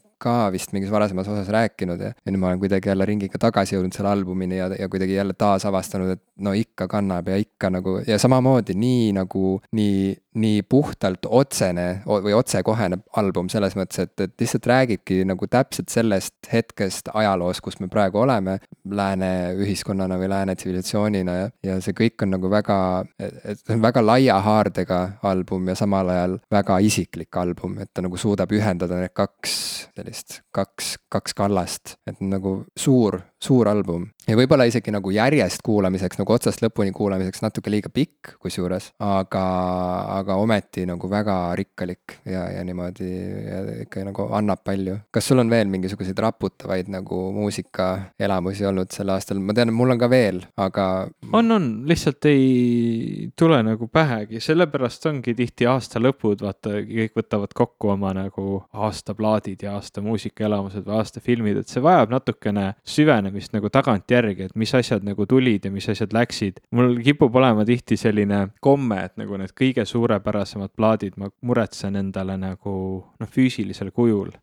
ja, ja noh, kui ma mõtlen nendele, et mida see aasta on muretsetud, siis Sampha Process kindlasti on üks neid plaate. ja, ja, ja. tugevalt kõnetas Nõus. mind, oli väga hea ja. mille ma ka hankisin, kuna sa hankisid selle ja ma vaatasin, et nagu, et kuule, siin ikka midagi on ja, ja pidin ka selle saama. et need on nagu need asjad, mis tihtilugu nagu jäävad läbi aastate kõlama, ma usun, et ma, ma nüüd ei mäleta, kas mingi asi tuli eelmise aasta lõpus või selle aasta alguses, äkki oli ka Open Mike Eagle'i äh, nüüd viimane plaat oli selle aasta sees, ma peaksin seda praegu kontrollima, ma täpselt ei teagi. Äh,. kui ma mõtlen noh, nagu üldse oma nagu plaadikogule, et mis siin on olnud, mis läbi aastate on jäänud äh,, noh, ma mäletan, kui Daft Punki see Random Access Memories välja tuli nii meeletu, eks ole, noh, furooriga, siis see oli kindlasti üks sihuke plaat, mis ma teadsin, et see on nüüd selle aasta üks olulisemaid plaate, see on, see on täpselt sihuke asi, et see on jäänud läbi aastate. nii et ma, ja noh, sama, me oleme siin varemgi rääkinud Foo Fightersi, eks ole, see Wasting Light ja jällegi jäänud täna, tänini minu jaoks nende tippteoseks ja ma loodan, et et äh, nüüd nad võib-olla see aasta tulevad uue plaadiga välja, et kaks singlit on juba tulnud, Run ja, äh, ja, ja mis see nüüd oli, äh, The Sky is the neighborhood ja mõlemad on olnud ääretult head, nii et noh, kes teab, tuleb väga hea plaat võib-olla jälle. et võib-olla jah, aasta lõpus mõtleme, vaatame, mis on need aasta kogemused olnud, aga praegu needsamad Jay-Z ja Queens of the Stone Age, millest me siin pikalt plämasime, on, on kindlasti plaadid, mida see aasta tasuks kuulata või, või tasuks kuulata ka järgmine aasta või kümne aasta pärast. ja, ja mõtle, kui lahe, et kui me ikkagi päriselt teeme ära selle aasta kokkuvõtte, siis me ju saamegi päriselt lasta yeah. neid bände mida sina septembris ei tee, Jim? inimesed viimasel ajal postitavad igasuguseid lubadusi selle kohta, et nad septembris ei koo või ei joo või ei hoo. septembris ma ei sõida Haapsalust tööle, kuna ma juba viibin samas linnas, kus ma tööl käin. sa said töökoha Haapsalust? ei Ivo, mu töökoht on jäänud ikka samasse linna, Tallinnasse, lihtsalt ma ise resideerun nüüd jälle Tallinna linnas. Ja see on niimoodi sellepärast, et nagu meie saate puhul kõik muutub, siis ka saadet ümbritsevas elus kõik pidevalt muutub. Ja minu kaheaastane Haapsalu põhine elu on nüüd Tallinna ja Haapsalu põhine elu, rõhuga Tallinna peal, aga Haapsalu ei kao mitte kuskile ja ma sõidan sinna ikkagi. ja ma ei tea, miks ma hakkasin niimoodi rääkima. sellisel hel-, heldel, kuskil kuidagi meenutaval toonil. sest et siit ei tule mingit jutustust, siit ei rullu lahti rohkem midagi, ma tegelikult juba ütlesin kõik ära, aga ma ikka veel räägin nii, ma ei tea, ma vist ei saa välja sellest tempost palun aita mind. ma,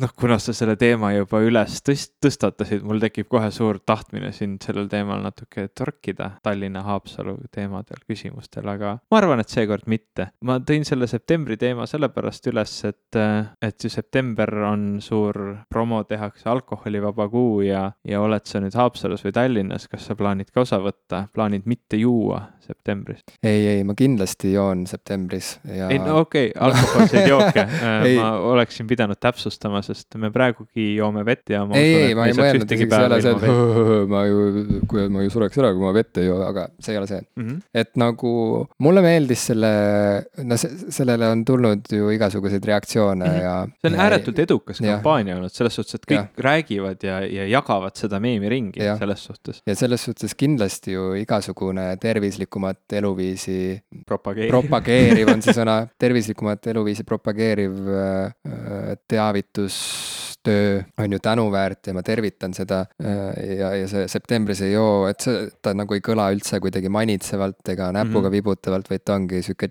sihuke challenge, et võta või jäta ja, ja nii lihtsalt on, et siin nüüd mõned inimesed otsustasid, et nad septembris ei joo ja ongi kõik, aga no selles mõttes, et äh, no vaata, ma, mina nagu, minu suhe alkoholiga on, on vastuoluline mm. -hmm. et. kas mitte meie kõigi suhe alkoholiga ei ole vastuoluline? võib-olla on, ei, ma ei, no ma ei tea. ei no üldse nagu ehm, alkohol. lihtsalt nagu, no võib-olla jah, nagu on, et see on nagu olemuslikult mõnes mõttes nagu vastuoluline nagu teema, aga võib-olla ei ole ka, lihtsalt ma tean, et mu enda puhul äh, ma ise olen nagu kasvanud kodus üles alkohoolikuga, et mu vanaisa on nagu olnud ikka nagu väga kõva napsimees ja lihtsalt, et tausta avada, et siis mul nagu, mul ei olegi nagu muud isa kodus mm -hmm. olnud, et mu vanaisa oligi mu isa või noh, on, et äh, või noh, sihuke nagu isa kuju või ja, ja, ja, ja noh, ma olen nagu kõrvalt näinud, et, et, et mida et mis, et mis on see saatan nagu, kes on alkoholis peidus, on ju, et, et see nagu ikka nagu, et see on kohutav, noh, see on,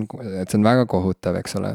aga, ja, ja noh, sealt on nagu tulnud minu ettevaatlikkus ilmselt kõigi meelemürkide suhtes, et ma lihtsalt nagu näen, et kui inimene kaob ära mingisugusesse sõltuvusse, nagu kaotab end sellesse sõltuvusse, et siis, et siis see, mismoodi see kõik nagu, mismoodi see laastab kõike nagu ümbritsevat ja, ja kui, kui kohutavalt nagu raske või no isegi võimatu võimatu on nagu aidata seda inimest tegelikult, on ju, ja kuidas see lihtsalt on nagu kõigile nagu sihuke fucking nagu raskus. et siis ma olen nagu väga-väga ettevaatlik ja ka äh, ise alkoholi tarbides olen nagu kohati nagu saan seda nautida, aga kohati nagu tunnen, et no nii, on ju, et, et huvitav, kas see siis nagu siit nüüd nagu algabki, vaata põhimõtteliselt mm -hmm. nagu, et, et minu allakäik või nii, et. et ma nagu, et ma pean nagu vaeva nägema, et seda nautida ja et, ja et lõdvaks lasta end. aga samas alati ei pea, on ju, et -hmm. et ja no selles mõttes, et see septembris ei joo, et nagu noh, et, et ma arvan, et see on nagu vajalik, sest et äh, Eestis tõesti juuakse väga palju ja keegi kuskil sotsiaalmeedias ütles ka, et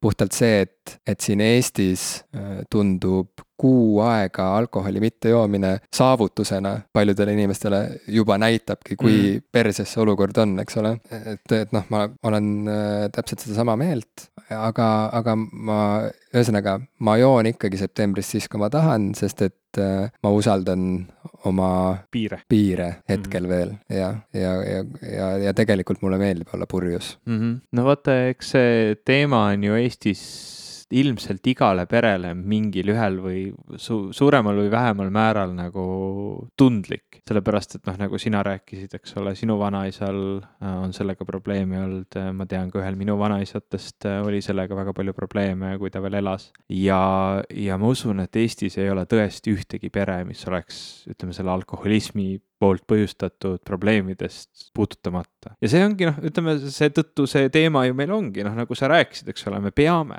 me peame tegema mingit, mingi kuu, et see kuu me nüüd ei joo, me, me noh, kuidas sa muud moodi seda tõstatad? räägid statistiliselt, et eestlastel noh, et kui palju tegelikult ütleme siis nagu taandatuna puhtale piiritusele Eestis alkoholi aasta jooksul ära juuakse, no see on muljetavaldav. see on, see on, see on noh, halvas mõttes muljetavaldav. ja noh, kuigi see, see septembris ei joo kampaania tekitab mus küllaltki vastakaid tundeid, et noh, ta, ta on väga lähedane sellele, kuidas inimesed kujutavad ette tervislikku toitumist, et, et noh, ma toitun halvasti, nüüd ma teen nagu, tõmban risti peale, nüüd täiesti ekstreemne muutus, nüüd ma ei söö enam midagi või, või nüüd ma lähen dieedile, ma söön ainult kanaliha kuu aega järjest või, või vastupidi, et ma ei söö üldse enam liha või ma ei söö üldse enam süsivesikuid või ma ei söö üldse enam rasva või mida, mida iganes, et sa nagu pead tegema järsku mingi sihukese ääretult ekstreemse muutuse, et see midagi tähendaks, mm -hmm. inimese, inimene kus justkui vajab sellist äh, resolutsiooni, mingit sellist väga tugevat, tugevat muudatust, et see kuidagi oleks oluline. aga noh, ometigi need tugevad, tugevad muudatused ongi need kõige keerukamad ja, ja, ja vähe, kõige vähem jätkusuutlikumad, et siis ongi see, et ma nüüd nädal aega sõin niimoodi, ma nüüd kuu aega ei joonud, aga justkui see tähendaks seda, et noh, üks hetk tuleb see lõpp ja kõik läheb mm -hmm. edasi täpselt et nii see, nagu. no ongi, et baast sai läbi ja, ja nüüd ja. ma lõpp, õnneks nagu oh,. elasin üle. et, et, et sa jah, nagu teed seda julgemalt, sest et eh, sa tead, et lõpus ootab sind auhind yeah. et siis pärast läheb kergemaks jälle saab jälle juua, on ju kui, kui Simpsonid olid veel väga emotsionaalselt äh, kompleksne sari ja ma vaatasin ühte jube, lahedat Youtube'i videot, kus poole tunniga näidati ära, miks ja mis ajal äh, Simpsonid alla käisid. Mm.. see oli, see oli väga huvitav analüüs, ma panen selle siia saate märkmetesse, ma ei hakka seda siin praegu lahkama, aga, aga oli üks osa Simpsonitest, kus äh, Marge küsis Homerilt, et, et kas sa ei arva juhtumisi, et sa liiga palju jood või, või et, et tegi mingisuguse ajakirja testi, küsis, et kas, kas Homer, eks ole, kujutab ennast ette kellegi teisena, kui ta joob ja kas ta peidab õlut majas ringi ja nii edasi, nii edasi ja, ja tuli välja, et noh, et, et Homeril on tõesti väga suur probleem alkoholiga, mis ei üllata ilmselt ühtegi Simsonite vaatajat yeah.. ja ta pidi siis kuu aega olema äh,, olema ilma alkoholita ja, ja need, noh, need päevad muutusid järjest raskemaks ja raskemaks ja lõpuks siis kergemaks. Aga see viimane, viimane päev, kui oli läbi, ta võttis terve hulga paki raha kätte, ütles, et, et viin lapsed naabri juurde, ma tulen koju täis peaga mm. -hmm. ja jooksis baari, eks ole, et noh, vaata, see on see, see lõpp muidugi seal, sellel osal oli sihuke armas Hollywoodilik lõpp, kus ta ikkagi baaris olles siis nägi seda varju külge ja otsustas, et ta läheb ikkagi sealt välja ja läheb, sõidab jalgrattaga oma naisega e,. noh, aga tihtilugu, vot ma kardangi just, et seal nagu ei pruugi seda, seda olla, et see on sihuke äge challenge, mida ära teha ja, ja siis on kuidagi noh, nagu me, me läheme tagasi oma vanadesse harjumustesse, et neid vanasid harjumusi nagu reaalselt muuta. ma ütleks, et see on võrratu teavituskampaania, et tõstatada ikka ja jälle, taguda seda rauda, et alkohol on probleem, alkoholi liigtarbimine on probleem ja see liigtarbimine ei ole ainult see, et, et sa kujutad ette, et ma nädalavahetusel jõin ennast nii täis, et mul oli järgmine päev väga paha olla, et see ei ole lihtsalt see, ainult see ei ole liigtarbimine, vaid ka need nii-öelda igaõhtused või, või liiga tihedad alkoholi tarbimised, liiga noh, suures koguses alkoholi tarbimine, kui nendele ühikutele ettevõtetele mõelda, et noh, ikka ma, ma jällegi, ma siin omast kogemusest ei tea rääkida, aga palju räägitakse sellest, et lähed ja teed neid šotte ja, ja ikka päris mitu pudelit õlut, et noh, on tegelikult meeletu kogus alkoholi, mida su keha lõpuks ikkagi sisse saab ja, ja noh, seda, seda, seda alasid tuleb taguda. ma selles mõttes olen selle kampaania üle ikkagi õnnelik. jah, aga eks muidugi see on ju ikkagi, tähendab, alustuseks, ega ma ei hakkaks iial lootma, et üks teavituskampaania mm -hmm. lahendab mingisuguse nii sügava probleemi nagu alkoholism näiteks on ju, mingis terves ühiskonnas, see on nagu noh, nii ei ole nagu on ju, ei, aga ja, ja jälle ja, ja ka see, et see teema on tõstatatud, on tänuväärt ja ma arvan, et see on vajalik. Äh, et seda peab tegema järjepidevalt et ühe korraga ei saavuta midagi, on ju, et ongi, et sihuke nagu järjepidev nagu sihuke vastulöök või sihuke nagu positiivne programm või selle, selle taaselustamine või nagu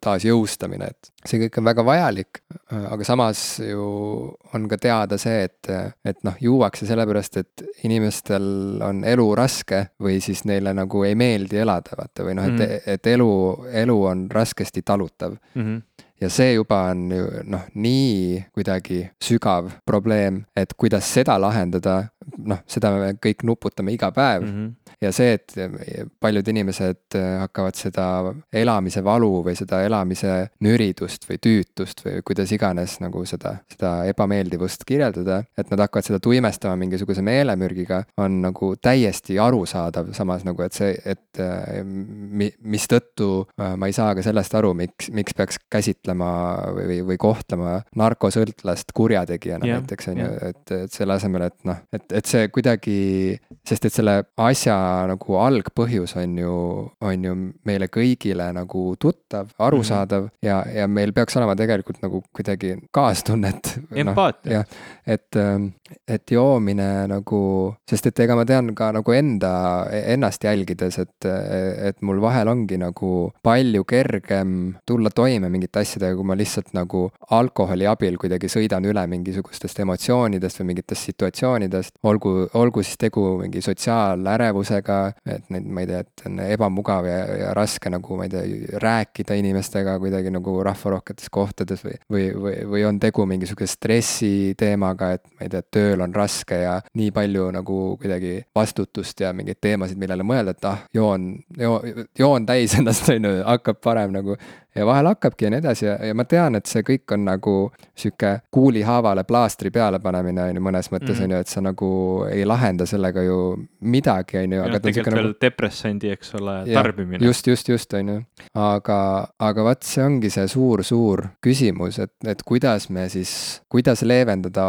olemise vaeva või kuidas nagu elada nii, et nagu, et, et ka kõik see ebameeldiv ja kõik see valus, mis elamisega kaasneb, et sa oled valmis seda nagu vastu võtma ja kuidagi kuidagi ja noh, laskma seda endast läbi, ilma et sa kuidagi aitaksid kaasa iseenda nagu hävinemisele või hävitamisele, on ju. et kuidas seda pöörata kuidagi ikkagi nagu enda kasuks, noh, nii-öelda, et, et see on nagu nii, nii raske küsimus, et sa ei lahenda seda ühegi nagu plakatiga kuskil sõidutee ääres, on ju, ja, ja, ja sellepärast äh, ma olen ka tegelikult ikkagi tänulik, et kohati on võimalik jällegi nagu mingisuguse keemilise nagu mingi, mingi ainega nagu näiteks alkohol ikkagi nagu muuta väga kiirelt vahel oma meeleseisundit ja, ja niimoodi, et sellest võib ka olla abi. ehk siis noh, kokkuvõttes tegelikult see, kui sa nagu lõpuks noh, on mingisugune nagu halb nädal või, või, või halb aasta ja, ja ühel õhtul lihtsalt sul on võimalus minna sõbraga äh, kuskile pubisse ja, ja lihtsalt juuagi nagu mitu õlut, on ju, ja minna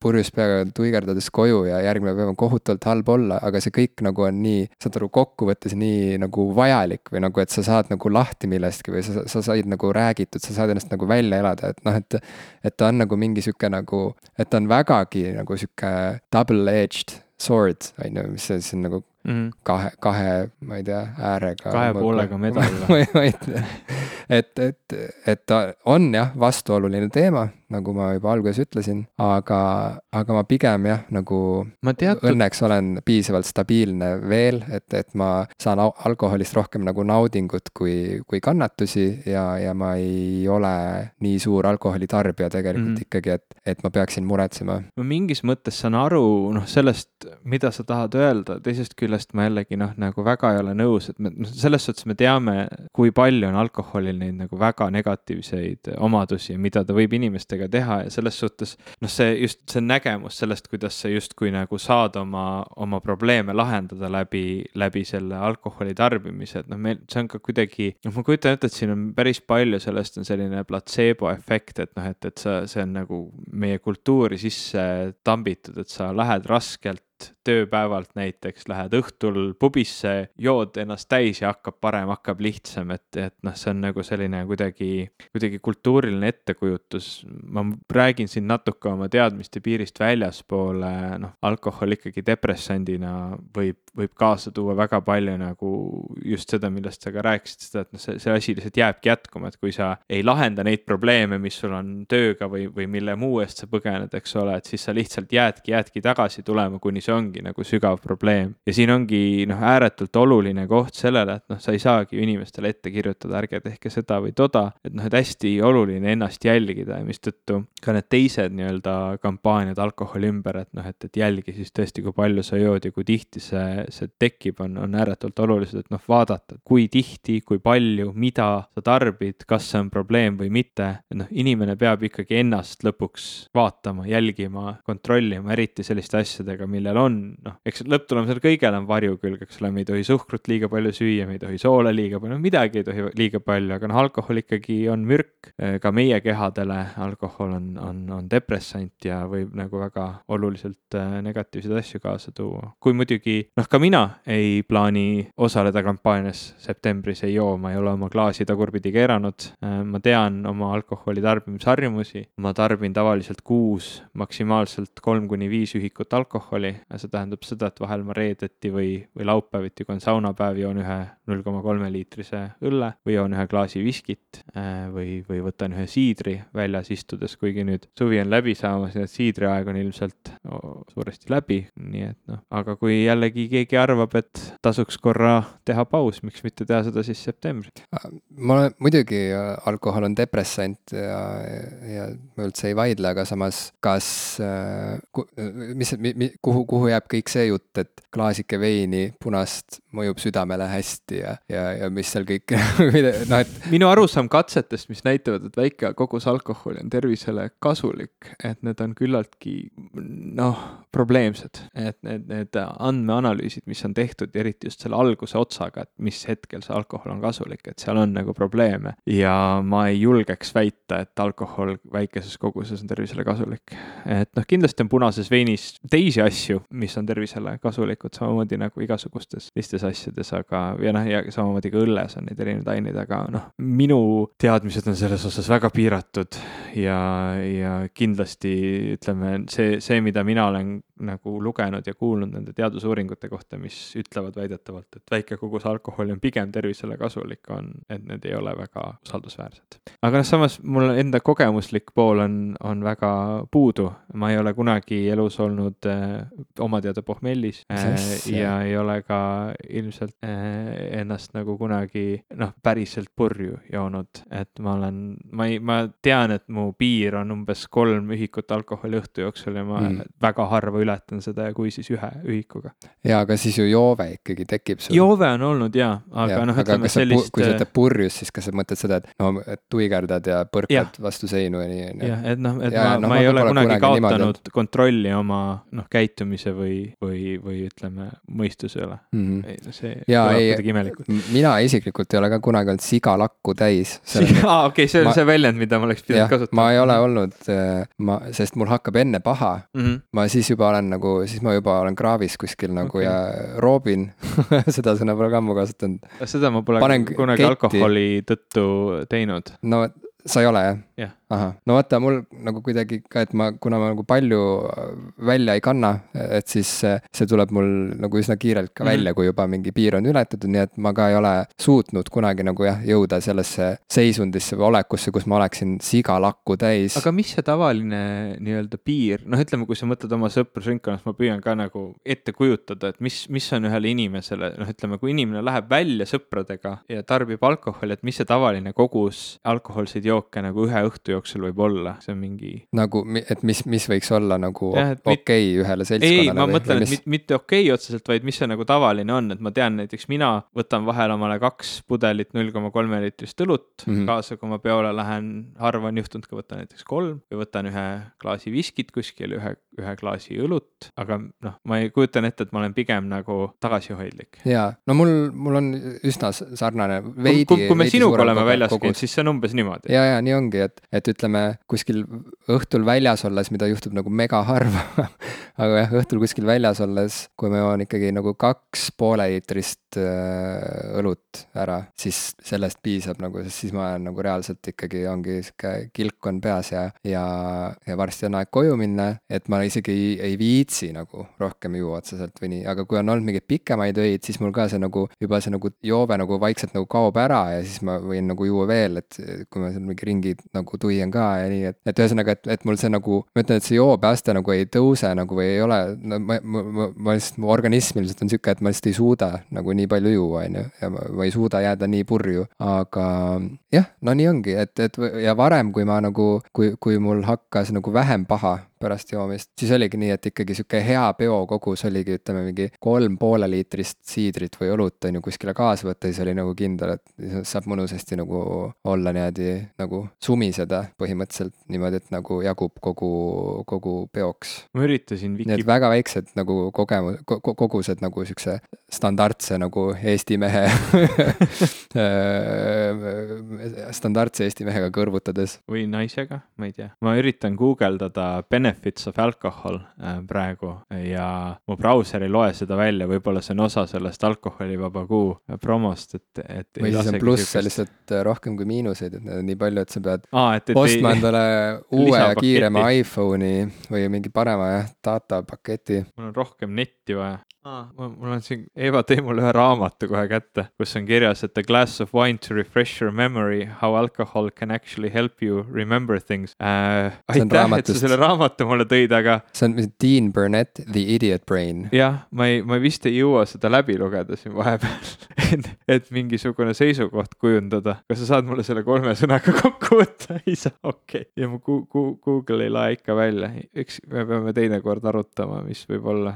Several levels of defense to stop potentially harmful substances from entering our system, stomach acid complex uh, -huh, but alcohol dissolves in water. mõtle, kui audioraamatuid loetaks niimoodi ette, nagu sa praegu seda teed. Alcohol is a depressant, not because it makes you feel dreadful and depressed the next morning, although good lord it does, but because it actually depresses activity in the nerves of the brain, yeah, yeah, reduces their activity.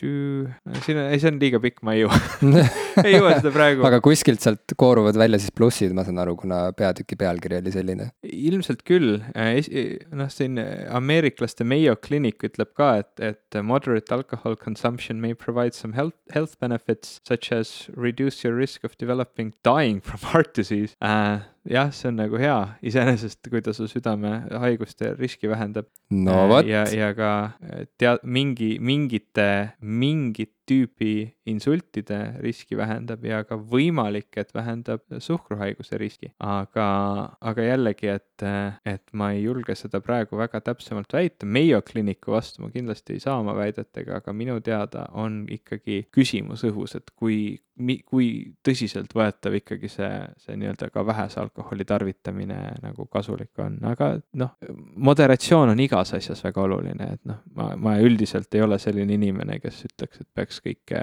piirama nulli, ma ei ole ise selline inimene. Ei käitu ka vastavalt. nii et popkulturistid septembris joovad. Aga tead mis, mul on no. väike raamatusoovitus ka on jah? saate lõpetuseks, kuna Eeva juba siin ühe raamatu sulle näppu pistis ma mõtlesin, tuli ka meelde, et ma, ma, ma olen ka lugenud ühte raamatut, mis oli tore äh,. aga üleüldse ääremärkusena, mis meist saab R2-s, kui Eeva ei istu niimoodi halli kardinalina äh, siin äh, meie kõrval. võtame Eeva stuudiosse ka. tegelikult, mida võib-olla produtsendina. mida ilmselt mõned kuulajad äh, juba teavad, sest see on ilmselge, aga mida mõned võib-olla siiski ei ole endale teadvustanud, ongi see, et, et kuna me siin sinu ja Eeva kodus istume, siis sageli popkulturiste salvestades ongi Eeva pidanud hiirvaikselt äh, olema meie läheduses siin diivanil ja siis ta aeg-ajalt nagu žestikuleerib ja nagu elab kaasa mingisugustele teemadele või siis, kui Ivo ütleb midagi, mida Eeva pole seni varem kuulnud mingid väit-. eriti lolli mingid, sõna välja mõtle. mingi lolli sõna või mingi väite, mis nagu on nagu absoluutselt nagu ei ole tõsi Eeva teada et siis siin tuleb nagu, et, et see meil on ühesõnaga sihuke nagu elav kommentaarium või sihuke mhm. moderaator on siin kõrval või sihuke nagu esimene kuulaja on tegelikult Eeva mm. -hmm. et mi, mis nüüd saaber ka. siis mina vaatan niimoodi kurja näoga Eeva poole korra, et, et mis sa lõhud. et siis äh, ma arvan, et, äh, et kui me R2-s tunneme ennast kuidagi kohatult seal stuudios ja ei tunne ennast koduselt, siis võib-olla see puuduv lüli ongi see, et Eeva peab istuma stuudios, et siis läheb kõik õigeks kui saated kehvaks lähevad, siis me peame ta lihtsalt kaasa võtma. jah, peaaegu nagu talismann, sihuke inimtalismann, aga raamatu soovitus on äh.... Jim Mashilevi Inimtalismann. kus see, kas mingid, kas mu käsikiri on lekkinud tahtsin rääkida hoopis raamatust The subtle art of not giving a fuck, mille autor on Mark Manson ja see on üsna värske raamat äh,. nagu ma aru saan, siis see võib-olla on aastal kaks tuhat kuus tulnud välja ja Mark Manson on äh, tuntud blogija, tema blogi ma ei ole küll kunagi lugenud, aga sealt raamatust ma sain teada, et ta on tuntud blogija. ja, ja seda raamatut tegelikult soovitas mulle Audible, kuna ma Audible'ist kuulan äh, audioraamatuid, siis seal selle põhjal, mida ma juba kuulanud olen ja mida ma vaadanud olen, ikka see süsteem ju pakub mulle veel erinevaid äh, kuulamisvõimalusi. Ja, ja ma lõpuks krabasin selle, võtsin selle raamatu ette ja tegu on noh, põhimõtteliselt ikkagi, et kui noh, kui seda tuleb panna mingisugusele riiulile raamatupoes, siis ilmselt ta läheb sinna self-help mm -hmm. osakonda. no pealkiri juba viitaks justkui sellele. jah, äh, aga noh, self-help'i puhul alati tuleb öelda see aga välja, sest et millegipärast vaata, kui sa ütled, et oh ma leidsin nagu mingi nii ägeda romaani. see on self-help, aga ära muretse. et, et siis ongi nagu see, et seal ei ole mingit aga, on ju, et see ongi ohoo, on ju, sest et noh, nii ikka ju juhtub, aga self-help'i puhul noh, me kõik teame, et ta on sihuke piiripealne nagu, kuidas siis öelda, piiripealne distsipliin või et, et noh, sina ju eriti, sina, kellel on alati vaja nagu sihukest nagu tugevat. tõenduspõhja. tõenduspõhja jah, et, et, et sa oled väga kriitiline sellise nagu tundepõhise mingisuguse sihukese nagu tervishoiu suhtes ja kõige selle. ole, oleneb lihtsalt, kuhu sa suunad. jah, jah, et, et siis self-help, mis on ju su suunatud ikkagi nagu inimese vaimse tasakaalu ja, ja nagu vaimse tervise parendamise, parendamisse suunatud mm, -hmm. selle teenistusse pandud, et, et siis seal ongi nagu ju alati sihuke kahtlane või sihuke hall ala olemas, et oot-oot, et, et äh, noh, et kui kaugele võib minna kellegi nagu nõuannete aktsepteerimisega, on ju, kes ei ole Äh, mingisugune äh, väljaõppinud psühhoterapeut või mingisugune noh, saad aru, et, et mm, -hmm. et, et, et, et mingi noh, kuskilt maalt alates läheb see asi nagu väga uduseks. et sa ei tea nagu, kas see oli lihtsalt selle inimese mingisugune tunne, et ol, enne oli mul halb, siis proovisin seda ja näed, nüüd mul on palju parem, proovige teie ka, on ju, et, et, et noh, et, et kellelt ikkagi päriselt nagu tasub nõu küsida, see on nagu suur-suur küsimus, on ju. ja noh, eriti praegusel ajastul, kus ongi nagu nii palju arvamusi ja nii palju õpetusi justkui selle kohta ongi, et mis, mismoodi me elame, mismoodi me toitume, mismoodi me magame, sööme, oleme, mis poliitikas toimub, et nii palju on äh, seda kõike ja nii palju on infot ja, ja, ja väga vähe on äh, seda sihukest tõestust või mingit sihukest nagu tõesti nagu usaldusväärset, äh, läbiproovitud sihukest nagu alust mingitel väidetel ja õpetustel, on ju, mida inimestele jagatakse. aga miks The Subtle Art of Not Giving a Fuck on äge, ongi see, et, et ta nagu väga selgelt, see autor kuidagi positsioneerib oma raamatu sellisele positsioonile halb, halb lause, aga et, et ta nagu ei pretendeeri üldse mingisugusele sihukesele ekspertarvamusele, esiteks, ja ta nagu pidevalt äh, on nagu teadlik äh, selle teksti vigadest või, või, või ka vigadest, mida ta ise ei pruugi nagu näha seal, aga mida keegi teine võib nagu millalgi hiljem siis nagu lugedes näha, olles äh, kas siis nagu sellepärast, et, et see inimene loeb seda tulevikus, kus nagu juba ongi teadmised teised ja paremad, või siis sellepärast, et see inimene lihtsalt on targem kui autor, on ju, mhm. või, või lihtsalt nagu koolitatud mingitel teemadel, millest autor ainult nagu aimab, on ju. et see kõik, et ta on sihuke läbipaistev ja, ja väga nagu aus sellest küljest ja, ja teisalt see on nagu väga nagu võimas ja otsekohene selline, võiks öelda isegi sihuke raputus või sihuke nagu äratuskell just meie põlvkonna sellistele nagu, meie põlvkonna nagu tüüpvigade all kannatavatele inimestele. et ta nagu kuidagi suunab inimest võtma vastutust oma kannatuste eest ja, ja vaata, on see, on see väga palju tsiteeritud äh, palverida, mis on inglise keeles The Serenity Prayer, kuidas see eesti keeles võiks olla, rahupalve või yeah.? ma ei suuda seda eesti keeles äh, praegu välja guugeldada, aga inglise keeles see kõlab niimoodi, et God, Grant me the serenity to accept the things I cannot change, courage to change the things I can and wisdom to know the difference. et mulle väga-väga see mõte see mõte meeldib ja, ja mõnes mõttes see Subtle Art of Not Giving a Fuck nagu see võiks ka olla üks selle raamatu deviisidest tegelikult. ja, ja see nagu, see raamat kuidagi julgustab või, või, või õpetab õpetab vähem kannatama äh, lihtsalt nagu äh,, sest et nii suur osa meie kannatustest toitub ka meie enda nartsissismist tegelikult või kuidagi mingist mm -hmm. nagu harjumusest äh, äh, seada ennast ohvri positsiooni,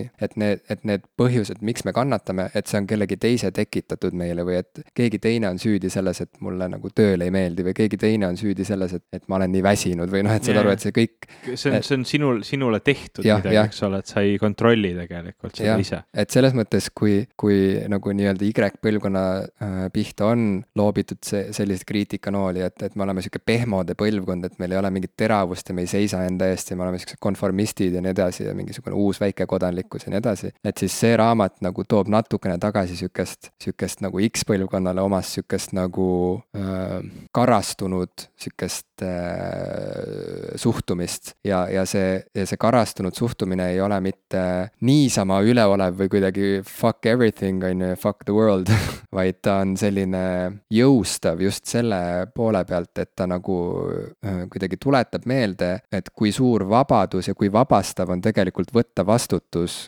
kogu oma elu eest ja mitte veeretada mingit süüd või mingisugust nagu vastutust nagu kellegi teise õlule või, või et, et see tegelikult, et see, see nagu esmapilgul tundub nagu kuidagi ängistav ja ränk, nagu võtta see kõik enda peale nagu ja, ja, ja kuidagi olla noh, või kuidas seda isegi nagu paremini selgitada, noh, ma ei oska praegu. noh, et see et kokku, võib, võib tunduda lausa hirmuäratav, eks ole. aga, aga, aga, aga, aga tulemus tegelikult on nagu vabastav ja, ja ta räägib seal raamatus tegelikult nagu nagu erinevatest elu aspektidest ja erinevatest nagu eluvaldkondadest ja kuidas see kõik on kokku, kuidas selle kõige tuumaks on nagu just mm -hmm. nimelt see, see, see, see suhtumine, see suhtumise küsimus. et, et igal juhul nagu väga soovitan seda raamatut, ta on nagu muhedalt kirjutatud äh,. ta on sihuke pretensioonitu just sellepärast, et ta nagu ei peksa kedagi mingisuguse nagu tõekuulutusega, vaid ta on nagu sihuke vahet no ta kõlabki nii nagu, et oledki nagu saanud sõbraga kokku, keda sa pole ammu näinud ja oletegi läinud välja ja võtnud äh, õlled ette ja siis ta nagu siukse, no see audioraamat oli vist umbes kuus ja pool tundi, ütleme pubis ei viitsi kuus ja pool tundi sõpra kuulata järjest.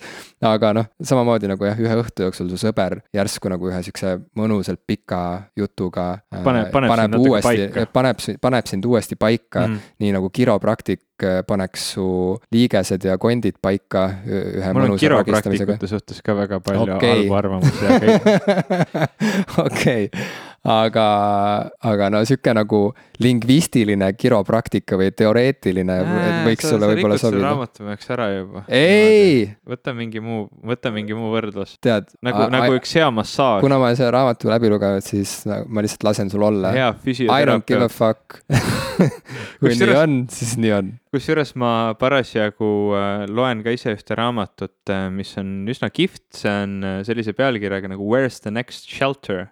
Gary Sizer on siis kirjutanud selle, see on sihuke biograafiline teos ühest mehest, ta nimi on Gary Sizer üllataval kombel. Äh, ja ta räägib oma matkast äh, sellisel, sellisel teekonnal nagu Appalachian Trail, mis on Ameerikas, see läheb Georgiast Maine'i ja see on umbes kaks tuhat miili pikk, sihuke pikk-pikk matk mm. -hmm. ja ta on kirjutanud siis, noh, ta otsustas ka, see on, ta oli, noh, ütleme, inimesed, kes pole kunagi matkanud ja siis mõtlevad, et oh, ma tahan ka selle ära teha ja siis otsustavad, et ma teen mingi meeletult crazy matka esimene kord oma elus ja kohe lähen ja teen ja võtan võtan, eks ole, see on nagu, sa kukud kohe läbi, sest sul ei ole seda ettevalmistust. tema lugu on see, et ta oli varem hästi palju matkanud ja plaaninud ja mõelnud selle, selle pika matka peale, aga siis üks päev ta lihtsalt ütles, et okei okay,, aitab, et ma olin küll mõelnud mitu aastat hiljem seda teha, aga ma ei taha enam oma tööd teha, ma ei taha enam seal kontoris istuda. ma tahan selle matka ära teha ja ta läks üksi ja noh, alguses natukene tema, tema naine siis käis esimesed päevad kaasas ja paar sõpra tee peal käivad temaga kohtumas, aga suures osas ta, ta läks üksi seda tegema ta ütles ka just see lause, mis sa ütlesid, see vabadus, et sa saad ise vastutada. tema üks selliseid esimesi argumente seal raamatus nende esimeste päevade jooksul, et ma olin üksi siin metsas, mul ei ole mitte midagi, mul ei ole mitte mingit suhtlust muu maailmaga, mu telefoni ei võta siin ühtegi antenni kätte ja noh, ma olengi täiesti üksi. et see on selline vastutus, et praegu siin ainult mina vastutan selle eest, mis minuga saab. ja selle asemel, et olla hirmutav, oli see nagu tema jaoks samamoodi selline väga vabastav ja, ja jõuline kogemus. et noh, selles, selles on kindlasti oma selline tõetera, et äh, aitäh raamatusoovituse eest. aitäh sulle raamatusoovituse eest ja kuulajatele aitäh, et te olete teinud selle saate üldse võimalikuks. Ähm, lähme proovime midagi uut, tulge meiega kaasa ja kohtumegi järgmises osas juba R2 tähe all